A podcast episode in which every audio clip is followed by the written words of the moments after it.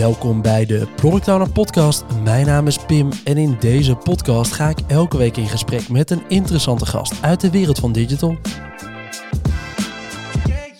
Deze week spreek ik met Dias, Product bij IKEA. Die probeert jouw tripje naar deze woonwinkel elke keer wat prettiger en efficiënter te maken.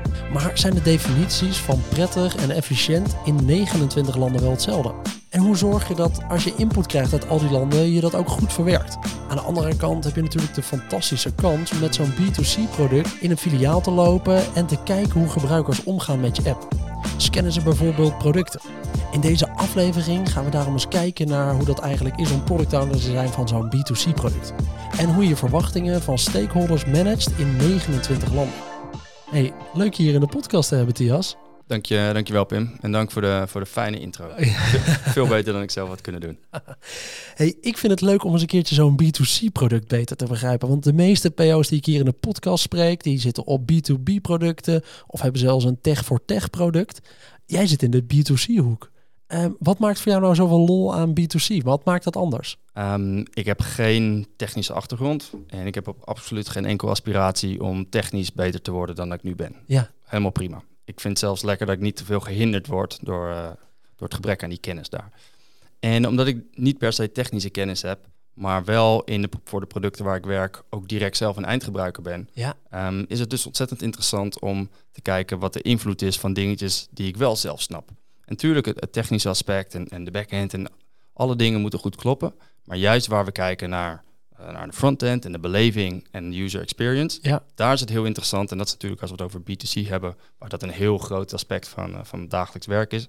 Om daar meer op in te zoomen en om dat dus als uh, B2C product meer op de voorgrond te hebben. Ja, dat snap ik wel. Ja, want inderdaad, we hebben wel eens iemand gehad die is dan product owner van het cloud platform van een bedrijf. Ja, dan wat lever je nou op? Ja, je levert eigenlijk een tool op voor developers. Maar je gaat als PO nooit echt goed begrijpen wat die developers nou eigenlijk zoeken als product.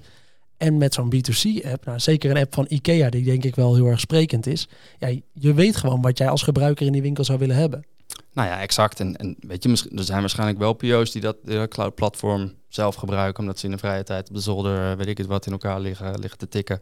En dat is super mooi. Ja. Maar, maar, dat is niet wat ik kan, dat is niet wat ik wil. Ja. Um, en ik vind het leuk, en dat heb ik eigenlijk gelukkig genoeg door, door, door mijn carrière nu heen kunnen doen, is om producten te werken en te ontwikkelen die ik ook echt zelf gebruik. Um, en die ik gebruik, die jij gebruikt, die jouw moeder gebruikt. Ja. Um, en waar iedereen ook een mening over heeft. Ja, op ehm, de familieverjaardag word jij niet met rust gelaten. Ik wou net zeggen, precies.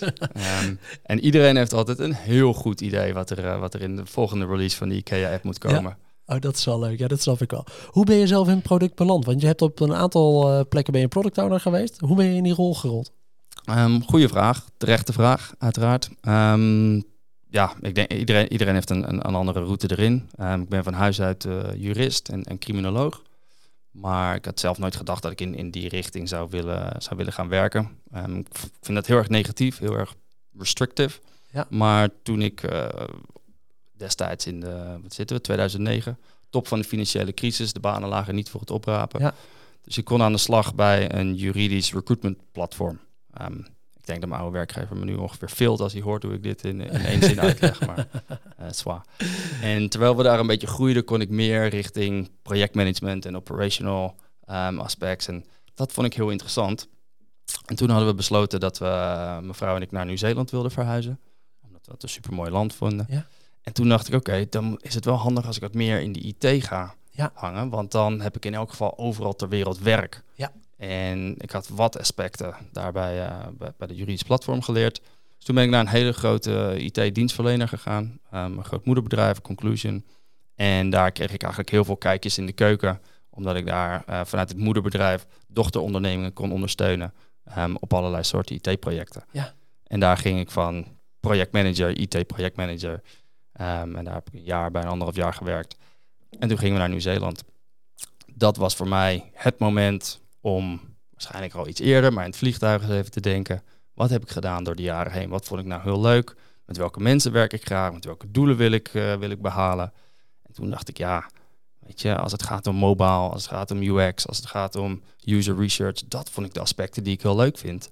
Waarom zou ik niet, als ik naar Nieuw-Zeeland ga, waar ik niemand ken, ja. weet je wel, ik ken de mensen nog de markt, maar ze kennen mij ook niet. Dus ik kan mezelf ook daar misschien wel opnieuw positioneren als, hey, dit Ja. is wat ik ben en dit is wat ik leuk vind.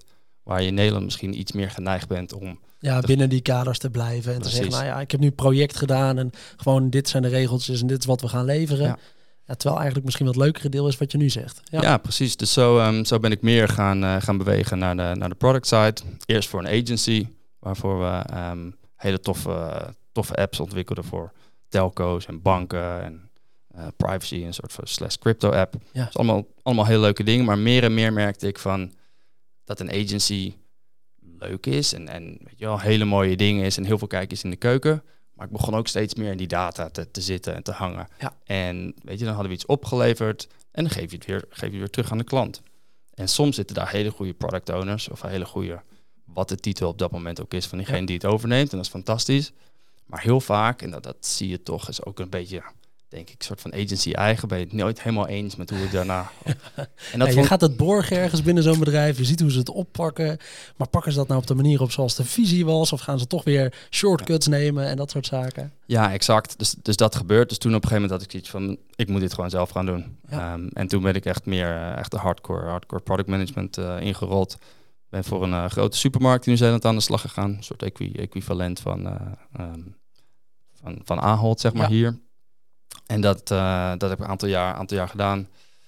Covid kwam en al dat soort lastige dingen, wat op zich eh, er toen voor gezorgd heeft dat we naar huis zijn gegaan. Lekker Ja. terug naar Nederland.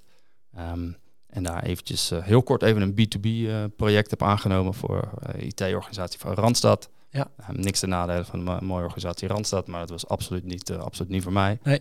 en toen ben ik gelukkig eh, met open armen ontvangen door, eh, door IKEA. Ja, cool. Ja, IKEA, ik vind het wel een heel sprekend bedrijf. Toen jij zei, nee, maar ik zit nu bij IKEA, we zijn met de app bezig van IKEA. Ik snapte even niet zo goed hoe IKEA, wat hadden die dan aan tech-onderdeel? Je kent met name gewoon de, de grote woonwinkel, zoals, eh, zoals iedereen hem kent. En nou, elk half jaar wel een keertje door zo'n eh, partner mee naartoe wordt gesleurd om weer wat dingetjes te halen. Hopelijk nooit op een zaterdagochtend. En, en toen vertelde jij nou, maar we hebben de app en daar doen we eigenlijk best wel coole dingen mee. Daar kunnen mensen hun routes mee bepalen, dingen mee scannen. Oh, wacht even. Eigenlijk zit er natuurlijk wel een heel mooi product achter. Want hoe is het belang van tech bij IKEA? Hoe zit dat in de organisatie?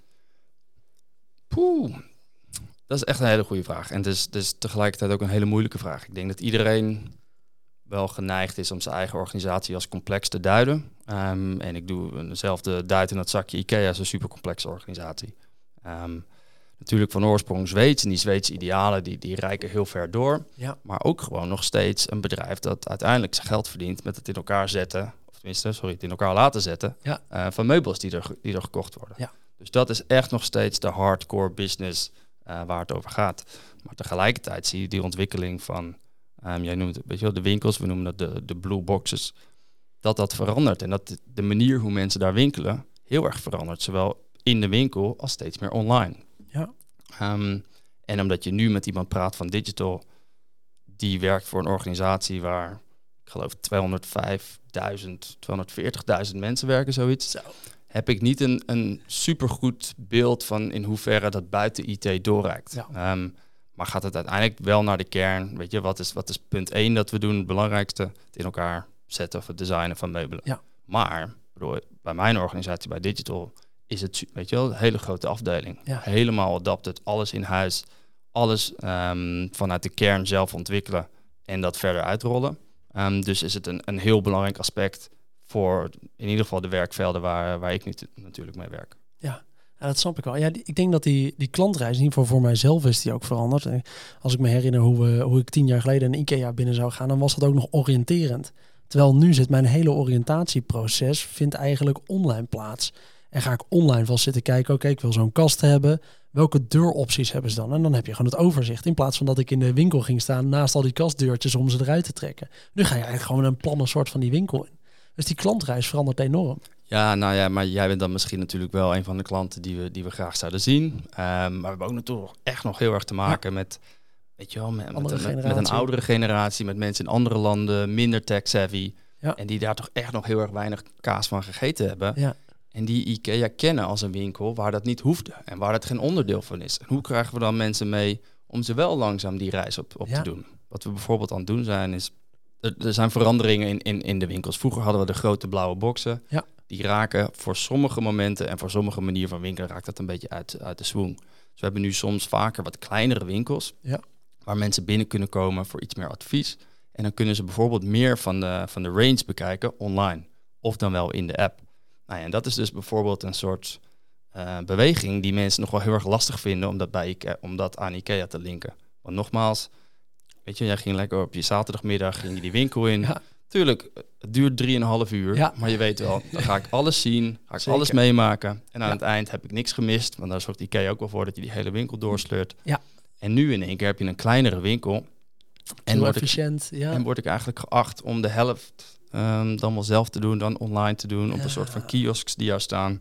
Dat vinden sommige mensen toch nog wel erg, eh, erg lastig. Ja, die snap ik wel. Hey, want dat moest ik eventjes goed snappen. Toen wij elkaar van tevoren eh, spraken, toen ging ik er een soort van vanuit, oh, het zal wel vanuit Zweden het grootste onderdeel worden ontwikkeld. En zal je wel tech-hubs hebben over de hele wereld.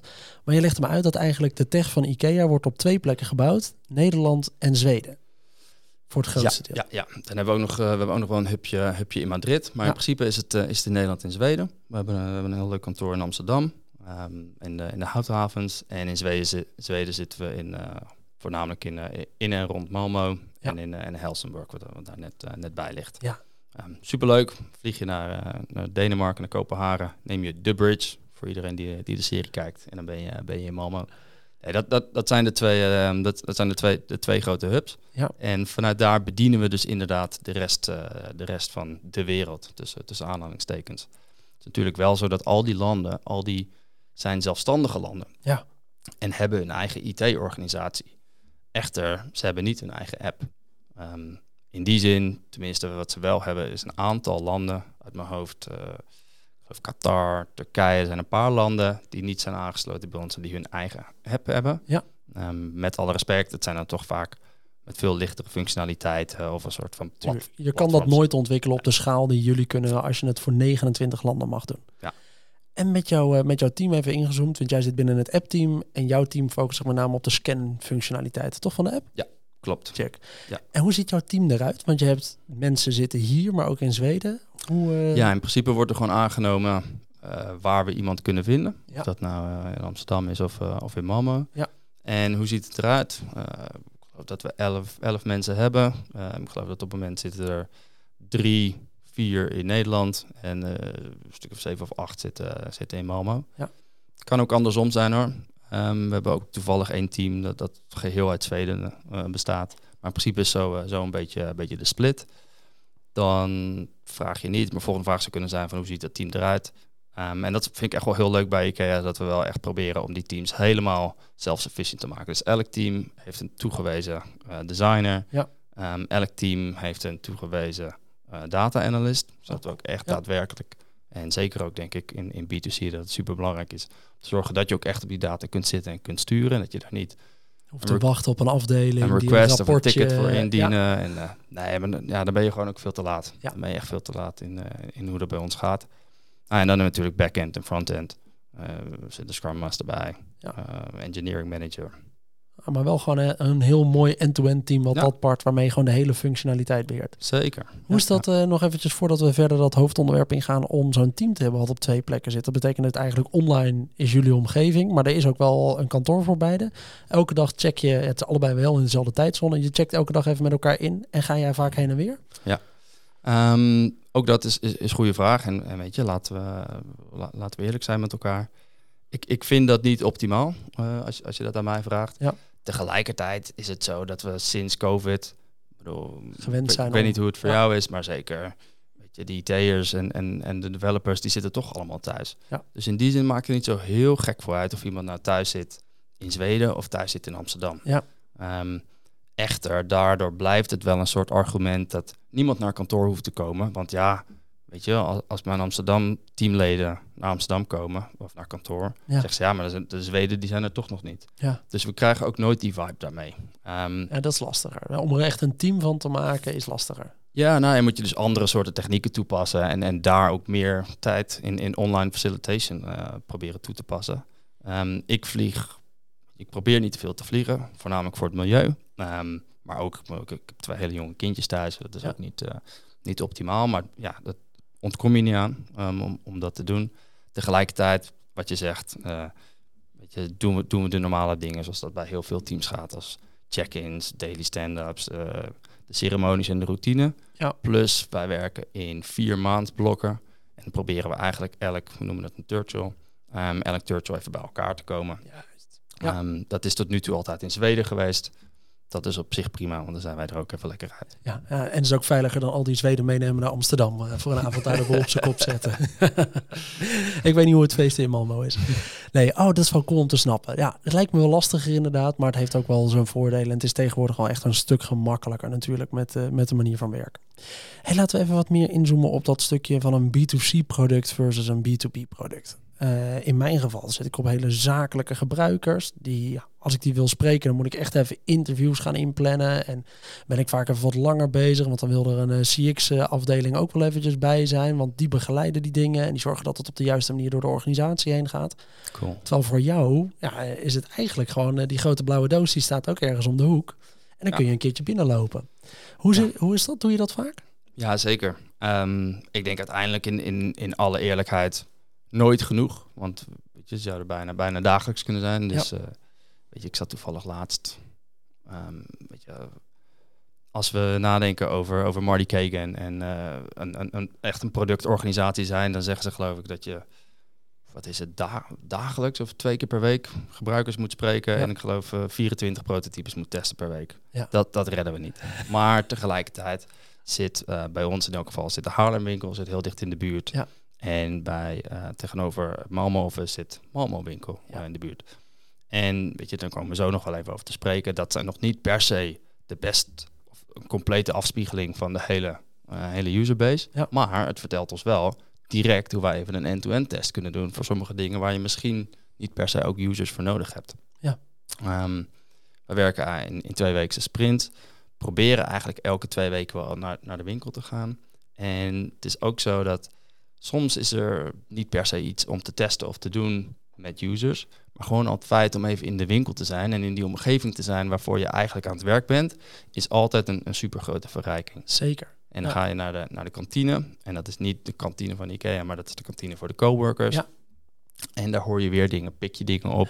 Precies. Um, wat voor vragen krijg je nou vaak? Zie je nou mensen met die app rondlopen? Precies, ja. En uh, wat, wat een van mijn, mijn favoriete hobby's is, is um, gewoon bij de checkout gaan staan. Gewoon kijken wat er gebeurt. Ja. Dat is, dan heb ik niet eens een testplan of iets, maar ga ik gewoon een uurtje, anderhalf uur, ga ik daar gewoon staan. Ja. Gewoon kijken, waar lopen mensen tegenaan? Wat voor emoties bij, bijna, uh, bij wijze van spreken, zie je op hun gezichten ja. als ze aan het interacten zijn met de kassa en soms met de app. Ja. En dan staat er altijd een soort van um, coworker dat, dat te begeleiden bij die zelfscankassa's. Ja. ja. En altijd even met haar, het, het vaak en zij, vragen van wat zijn de dingen waar je tegenaan loopt. Want zij geeft je ook vaak de eerste dingen die, um, die niet goed lukken. Ja, zeker. Ja, als, het, uh, als het betalen vanuit een scan die je zelf hebt gedaan, wat je telefoon niet lukt, en dat gaat drie keer op een dag mis, ja, zij is degene die dat als eerste door als, heeft. Als allereerste. Als allereerste. En ze zijn, zeker in Amsterdam zijn ze gelukkig ook uh, vocaal genoeg om dat, uh, om dat direct passende wijze te, te melden. Oh, dat is wel mooi. Ja, dat lijkt me wel het coole aan, uh, aan zo'n uh, B2C-product. Hoe is dat vanuit IKEA? Zijn jullie, want je zegt net, ja, we hebben een heel uh, end-to-end team. daarmee ben je vrij zelfstandig. Ben je ook zo zelfstandig dat je zelf echt op die klantwaarde kan focussen en kan zeggen, nou, ik zie bij de klanten nu dit valt op. We gaan echt dit prioriteren. Of zit je vast aan een soort van die vier maanden commitments die je net uitspreekt? Nee, gelukkig, gelukkig niet. Tuurlijk maken we, en weet je, zoals, zoals elke organisatie denk ik, maken we een soort globale, globale planning.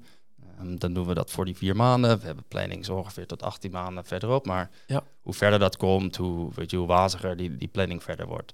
Um, wij en dan zeker het app-team hebben een, een, keuze gemaakt om heel erg, nogmaals, heel erg product-minded te zijn en echt de user op één te zetten.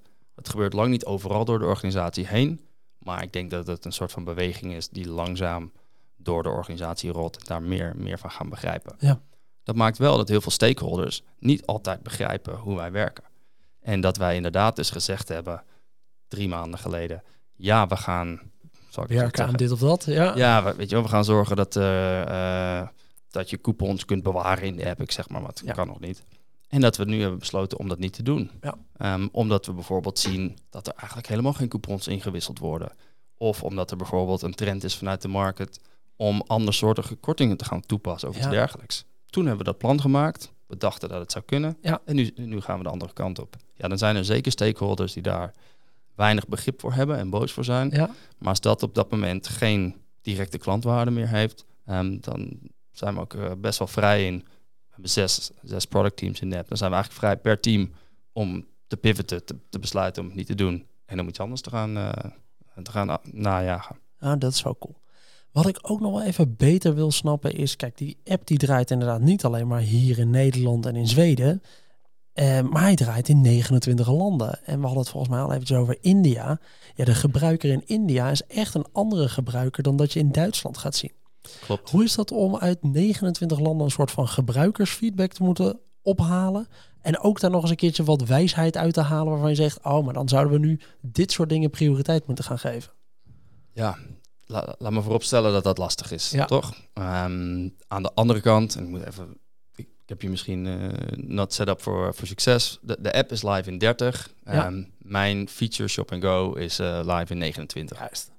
Als onze collega's thuis luisteren. Ehm, ja, hoe doe je dat? Overal is het natuurlijk wel een door de bank genomen systeem hoe die winkels zijn opgezet en hoe mensen daar winkelen. Dus laten we zeggen dat 60, 67, 65 procent van winkelervaring, gebruik eigenlijk wel gewoon overeenkomt met hoe we dat bedenken. Ja. Ehm, is dat niet zo door bepaalde omstandigheden, dan zul je er misschien over na moeten denken om die app daar niet te lanceren of features daaruit te halen. Maar over het algemeen is dat, is dat wel gewoon het geval. Maar in die 29 landen zijn inderdaad super grote verschillen. Je noemt, je noemt in India, we hebben bijvoorbeeld in Duitsland. In Duitsland zijn mensen heel erg gewend om eh DIY te doen. Doe het jezelf. Ja. Dat is helemaal, is helemaal hun ding. Ehm, waarbij er in andere landen veel meer een soort gevoel is dat eigenlijk ze heel erg geserviced worden. Ja. Ehm, nou ja, dat is dus een ontzettend groot ver- verschil in de aanpak. En zeker als we het hebben over mijn product. ehm, dat je dus mensen zelf hun producten laat scannen. En dat ze dus veel minder coworker interactie gaan hebben. En dat er dus veel minder spullen voor hen automatisch zomaar allemaal naar hen toe komen. Dat ze veel meer zelf in die driver's seat komen. Ehm, dus daar, daar is absoluut een heel groot verschil in tussen, tussen al die landen waar we, waar we voor moeten cateren. Ja. Hoe doen we dat? Ehm, door inderdaad user research te, te plegen. Ehm, het liefst in al die landen. Dat is soms wel wat lastig. Dus proberen we soms over na te denken. We hebben een, eh, een research team. En afhankelijk van het type vraag dat we denken... oké, welk soort landen zouden we hiervoor kunnen betrekken? Ja, wie zijn het meest uiteenlopend? Deze vier zouden wel eens een goed voorbeeld kunnen geven van... Gewoon simpelweg omdat we alle 29 niet elke keer kunnen, kunnen redden. Ehm, en dan denken we, oké, nou meestal wat we dan doen... is dat we denken, oké, we willen sowieso een van de grote markten... eh, we noemen landen, noemen market... een van de grote landen erbij hebben. Ja. Gewoon zodat we weten dat in elk geval dat werkt. Dat werkt voor de massa. Dan inderdaad eentje met karakteristieken... waar bijvoorbeeld deze feature helemaal voor, voor, voor geen meter loopt. Ja. Zodat we een soort van andere controlegroep hebben. Eentje waar die heel erg goed in loopt. Daar hoeven we eigenlijk niks te verbeteren... maar om te kijken of daar ook niet iets geks in gebeurt. Ja. En dan nog een soort van ander land... met bepaalde karakteristieken van... eh, cultuur of de coworkers of misschien een nieuwe winkel. Ja. Waarvan we denken, oké, als we dat dan ook hebben meegenomen, dan durven we wel iets te- ongeveer te zeggen over hoe dat voor, die, eh, eh, voor de rest van die 25 landen zal gaan. Oh, dat is wel cool.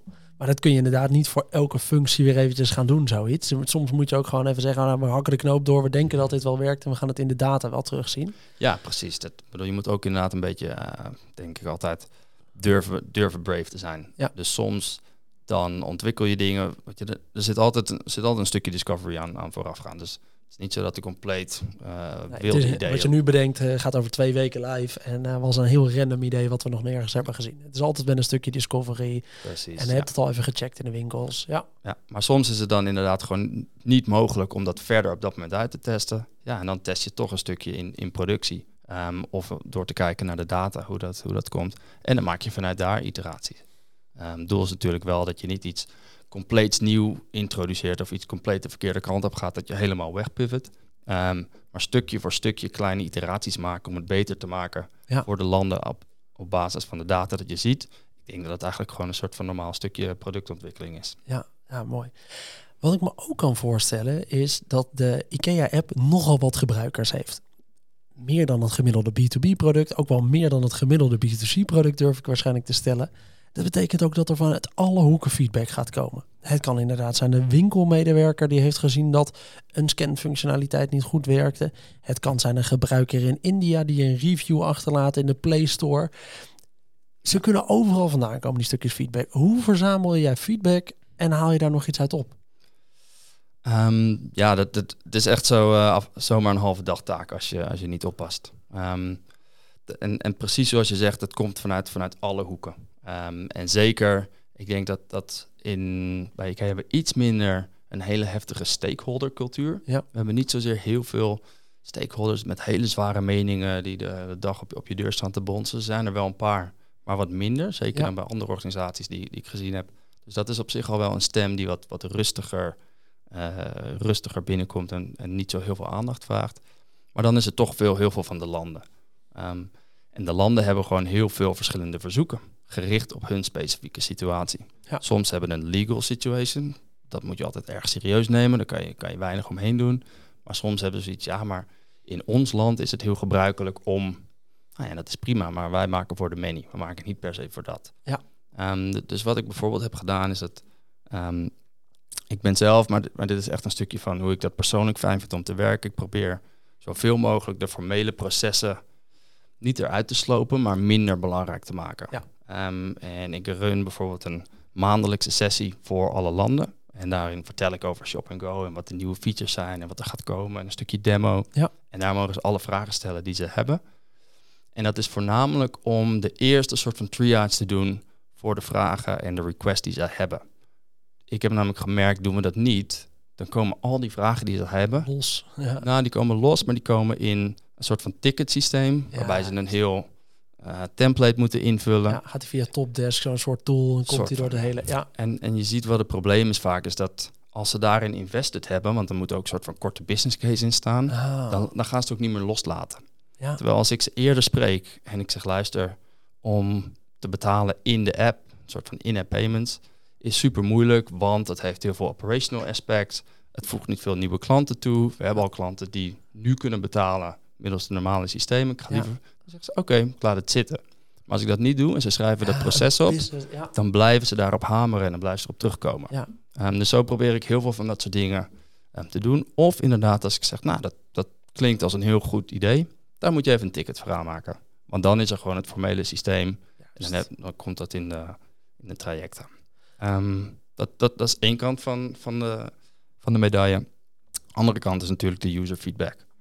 Um, weet je, in de appwereld hebben we de reviews uit de Play Store en de App Store.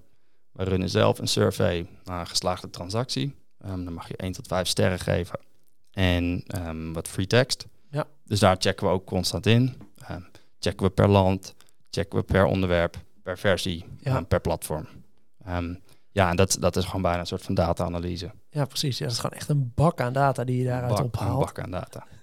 Ah, dat snap ik wel. Ja. ja, ik ben ook wel inderdaad zo iemand dat als een app niet werkt en er zit nergens een plek in om een review of iets van feedback achter te laten, dan ga ik gewoon naar die Play Store toe en dan zeg je gewoon één ster. En dan zie je vaak dat er nog tien mensen met jou diezelfde feedback hebben. Ben jij er zo en, dan, en dan hoop je dat ze dat gewoon snel genoeg lezen. Ja, dat vaak schiet het toch niet op. Ja, ja nou, het is lastig. Ik moet ook zeggen hoor, gewoon in, in, in eerlijkheid op die. Uh, de, de NDA's hebben wij getekend hè, hier met alle, alle ja, ja, Perfect. Iedereen die weet wat ze nu horen, dat mogen ze niet verder vertellen. Ja. Nee, maar we hebben ook een, een, een mogelijkheid om feedback achter te laten. Een soort review feedback in de app. Die komt niet per se, die wordt niet online gepubliceerd.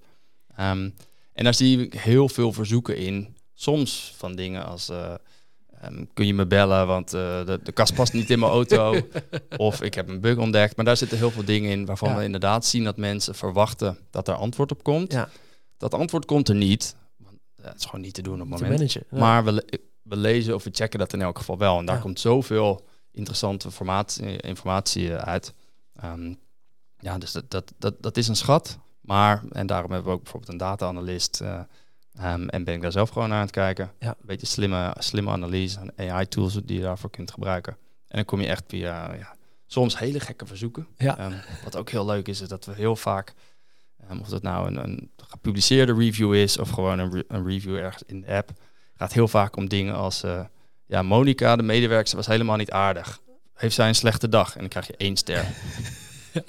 dat, dat, soort dingen zitten zo vaak in. Fantastisch. dat is wel mooi hoe je dat moet doen. Ja, dus inderdaad, uh, als het niet in de auto past, de volgende functie in de app is het inscannen van de kofferbak en dan het uh, zien van het maximale winkelmandje wat je kan hebben. Ja. Of het invoeren van je automodel en het maximale volume van de kofferbak. Is, is absoluut iets waar we, we hebben afgelopen, afgelopen jaar een hackathon, uh, hackathon georganiseerd. Ja. En dit is een van de dingen die inderdaad georganiseerd of uh, bedacht was om uh, te kijken of we daar is het op dat moment niet geworden. Ja. Um, naast dat je al die online feedback hebt, heb je natuurlijk ook de winkel zelf. Je, je zei net al, ja, eigenlijk het liefste komt iemand in ieder geval van het team elke sprint een keertje in die winkel terecht. Om daar te kijken hoe het gaat. Maar je hebt ook nog het stukje waar je nieuwe functies gaat toevoegen, wil experimenteren, wil valideren. Hoe ziet dat eruit voor jullie? Um, ja, eigenlijk op, op een soort, uh, soort gelijke manier. Dus dan, um, uh, kijk, ideeën ontstaan vaak bij het, het, het productteam, designers. Soms komen ze van de zijkant. En dan gaan we zelf eventjes mee stoeien. Ja. ja dat is gewoon de tekentafel, de digitale tekentafel. En als we dan comfortabel genoeg zijn, dan, dan nemen we dat naar de winkel in de vorm van een prototype. Of dat nou Figma of een ander soortig is. Um, en daarom hebben we goede relaties met de winkelmanagers. Ja. En dan gaan we vragen, mogen we je klanten lastigvallen? Um, soms is het heel kort. En als het langer is, dan maken we echt afspraken met klanten. Daar betalen we ze voor. En dan zeggen we, oké, dan hebben we een soort script uitgeschreven. Dit is wat we willen dat je gaat doen. Ga maar, doe maar net alsof we er niet zijn. En dan lopen we achter je aan en dan gaan we kijken, waar klik je, waar doe je, waar zit je, waar zit je op. Oh, dat is leuk, ja. En dat is best, uh, best freaky. De langste, de langste die we doen, die, die, duurt een uur. Ja. Dat is echt best, best een ingewikkelde sessie. Dan ben je daarna ook ben je allemaal best wel, best wel moe met elkaar. Maar daar komt zoveel, uh, zoveel informatie vandaan. Ehm, plus dat je de vragen kunt stellen aan de mensen als ze een andere keuze maken dan wat je zou willen waar je, waar je aan gedacht hebt. Ja. Um, en dat, dat, krijgt heel veel, uh, heel veel feedback. En wat er daarna gebeurt als we nieuwe features daadwerkelijk uitrollen. Um, en, en voornamelijk in Europa, zoals ik zei, voor, voor het vliegen en, en de thuissituatie, ga ik daar niet altijd naartoe. Maar binnen Europa als het belangrijk genoeg is, ja. gaan we naar de winkels toe om het daadwerkelijk uit te leggen aan de mensen op de vloer, die het dan maar zelf gaan uitleggen. Juist. En dat heeft te maken dat als ik een soort van tutorial ga schrijven, ja. Ten eerste heb ik daar niet altijd zin en tijd voor, maar um, dan schrijf ik het in het Engels, dan schrijf ik het met mijn idee. Terwijl als ik het aan de mensen kan uitleggen, die de, vervolgens aan de mensen gaan uitleggen, ja. dan doen zij het in hun eigen taal, met hun eigen gebruiken, met hun eigen ideeën. En dan zien we dat die implementatie hopelijk meestal een stuk, uh, stuk dieper ligt. Veel succesvoller als je dat inderdaad af en toe doet. Hey, cool. Ik vind het echt leuk om even dus wat meer te begrijpen van hoe jullie dat als IKEA nou doen en ook wat jouw eigen kijk er nou op is. Hoe dat nou eigenlijk is op zo'n B2C product, waarbij je gebruiker eigenlijk je buurvrouw ook kan zijn of je zusje. Uh, dat is cool om te begrijpen. Maar aan de andere kant ook, ja, hoe is dat nou als je dat in 29 landen doet of met de app zelfs in 30 landen?